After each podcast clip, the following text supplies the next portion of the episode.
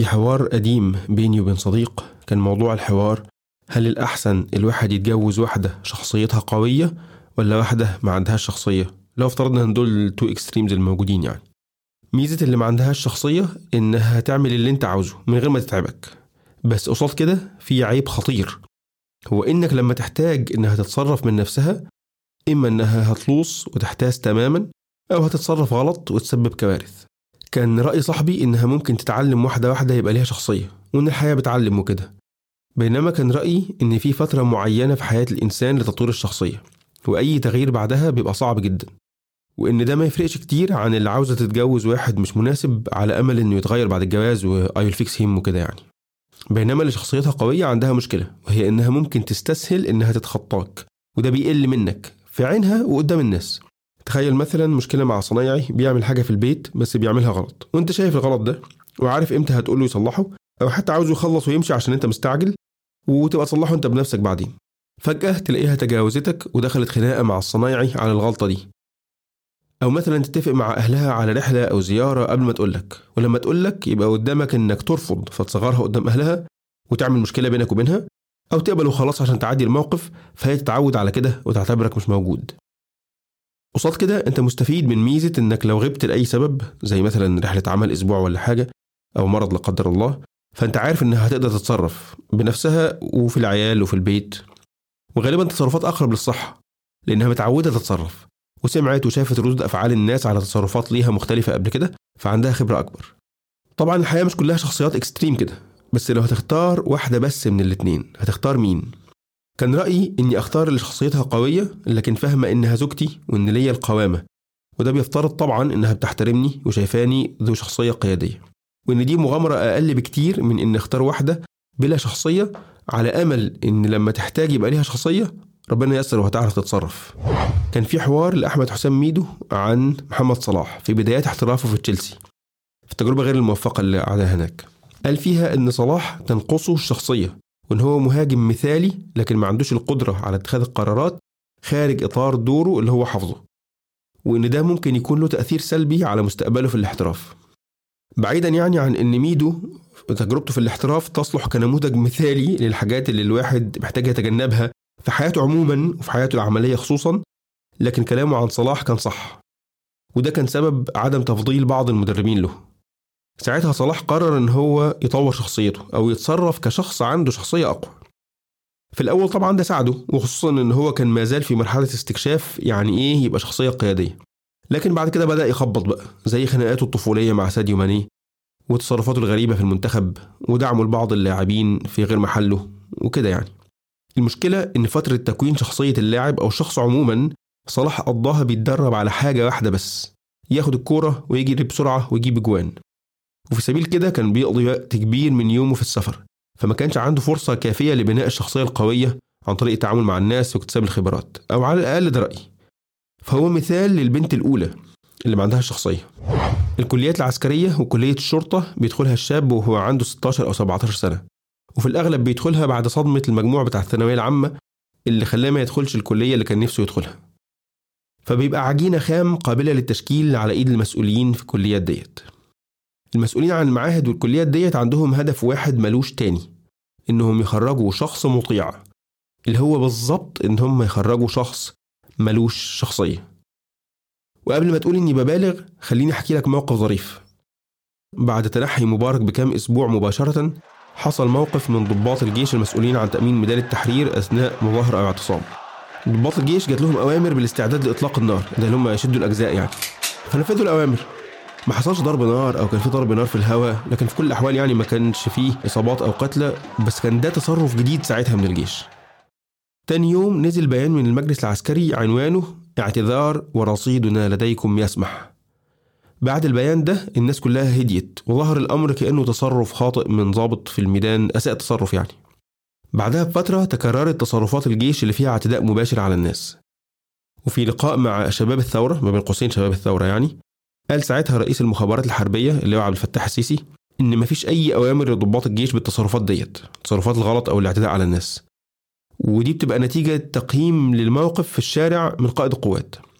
فأحد شباب الثورة اللي هو المخرج محمد دياب قال له وليه ما يطلعش اعتذار زي أول مرة؟ ده كان اعتذار له أثر إيجابي جدا على الناس في الشارع. رد رئيس المخابرات الحربية بس تأثير الاعتذار ده جوه الجيش كان سلبي جدا. لو الضابط الصغير عرف إن القائد ممكن يغلط هيفكر قبل ما ينفذ الأوامر وده ما ينفعش في الجيوش. سواء بقى اتفقت أو اختلفت مع إن ده ما ينفعش في الجيوش مع إنه ينفع عادي يعني لكن تخيل إن العقلية دي هي اللي بتدير البلد كلها دلوقتي. مش بس لأن رئيس الجمهورية متبني العقلية ديت اللي هو اللي هو عبد الفتاح السيسي ساعتها لكن كمان لأنه جاب ضباط كبار اتربوا من سن 17 سنة على إلغاء شخصيتهم قدام القائد. لحد ما بقى ما عندهمش شخصية وكل ما يشغلهم هو الطاعة العمياء. جاب الضباط دول بقى ومسكهم كل حاجة في البلد. لكن على الناحية التانية ولأن القائد ده نفسه اتربى على الطاعة العمياء للقيادات بقى هو كمان بيطيع القيادات. ساعات بقى القيادات دي تبقى القيادات في الخليج القيادات في واشنطن وقبلهم طبعا بالدرجة الأولى القيادات في تل أبيب. وفي نفس الوقت القهر اللي بيتعرض له الضباط دول وقمع شخصياتهم بيطلع في شكل غضب على الأضعف منهم اللي ملهمش ظهر وما عندهمش وسيلة يحموا بيها نفسهم. زي مثلا العساكر المجندين تجنيد إجباري وزي المدنيين اللي حظهم المنيل يوقعهم في إنهم يبقوا جيران ظابط أو حتى مساكين ربنا ابتلاهم بإن المخرج والمدخل الوحيد للسجن بتاعهم يبقى تحت سيطرة المرضى النفسيين دول معبر رفح أما بالنسبة لأن الجيوش ما ينفعش فيها الضابط اللي بيفكر فهسيبكم مع المقطع ده لأيمن عبد الرحيم. ربنا يفك سجنه. بص العبارتين دول وننقل على طول. آه اسمه إيه ده؟ اسمه إيه رئيس وزراء بريطانيا في حرب العالمية الثانية؟ تشرشل. تشرشل مرة قالوا له خد قرارات تعسفية في حاجة زي كده. قال لا أن تخسر بريطانيا العظمى الحرب خير من إن إحنا نتخذ أي قرار للمصلحة العامة بدون قرار, غير دي- دي- ديمقراطي. إن إحنا نخسر حرب أحسن. ليه؟ الحرب لو خسرناها ممكن نكسبها بعد كده. لكن إحنا لو أفسدنا النظام السياسي بتاعنا خلاص إحنا أفسدنا حياتنا طول الوقت. هتلر لما كان القوات العظمى بتاعته اتضربت وهو برلين عرضة للهجوم وبالفعل هجمت وحوصرت لدرجة إن هو انتحر ولا واحد من القيادات لا العليا ولا الوسيطه عرف يصحيه من النوم يقول له خبر. ما حدش عرف يقول له إن إحنا بنخسر ولا واحد فيهم راجل. ولا واحد فيهم راجل. يعني هو عامل مش عامل ألمانيا كبيرة ده عامل ألمانيا كبيرة جدا وما فيهاش ولا واحد راجل ولا واحد عارف عارف يقول له اللي أنت بتعمله غلط. ولا واحد عارف يقول له اتق الله.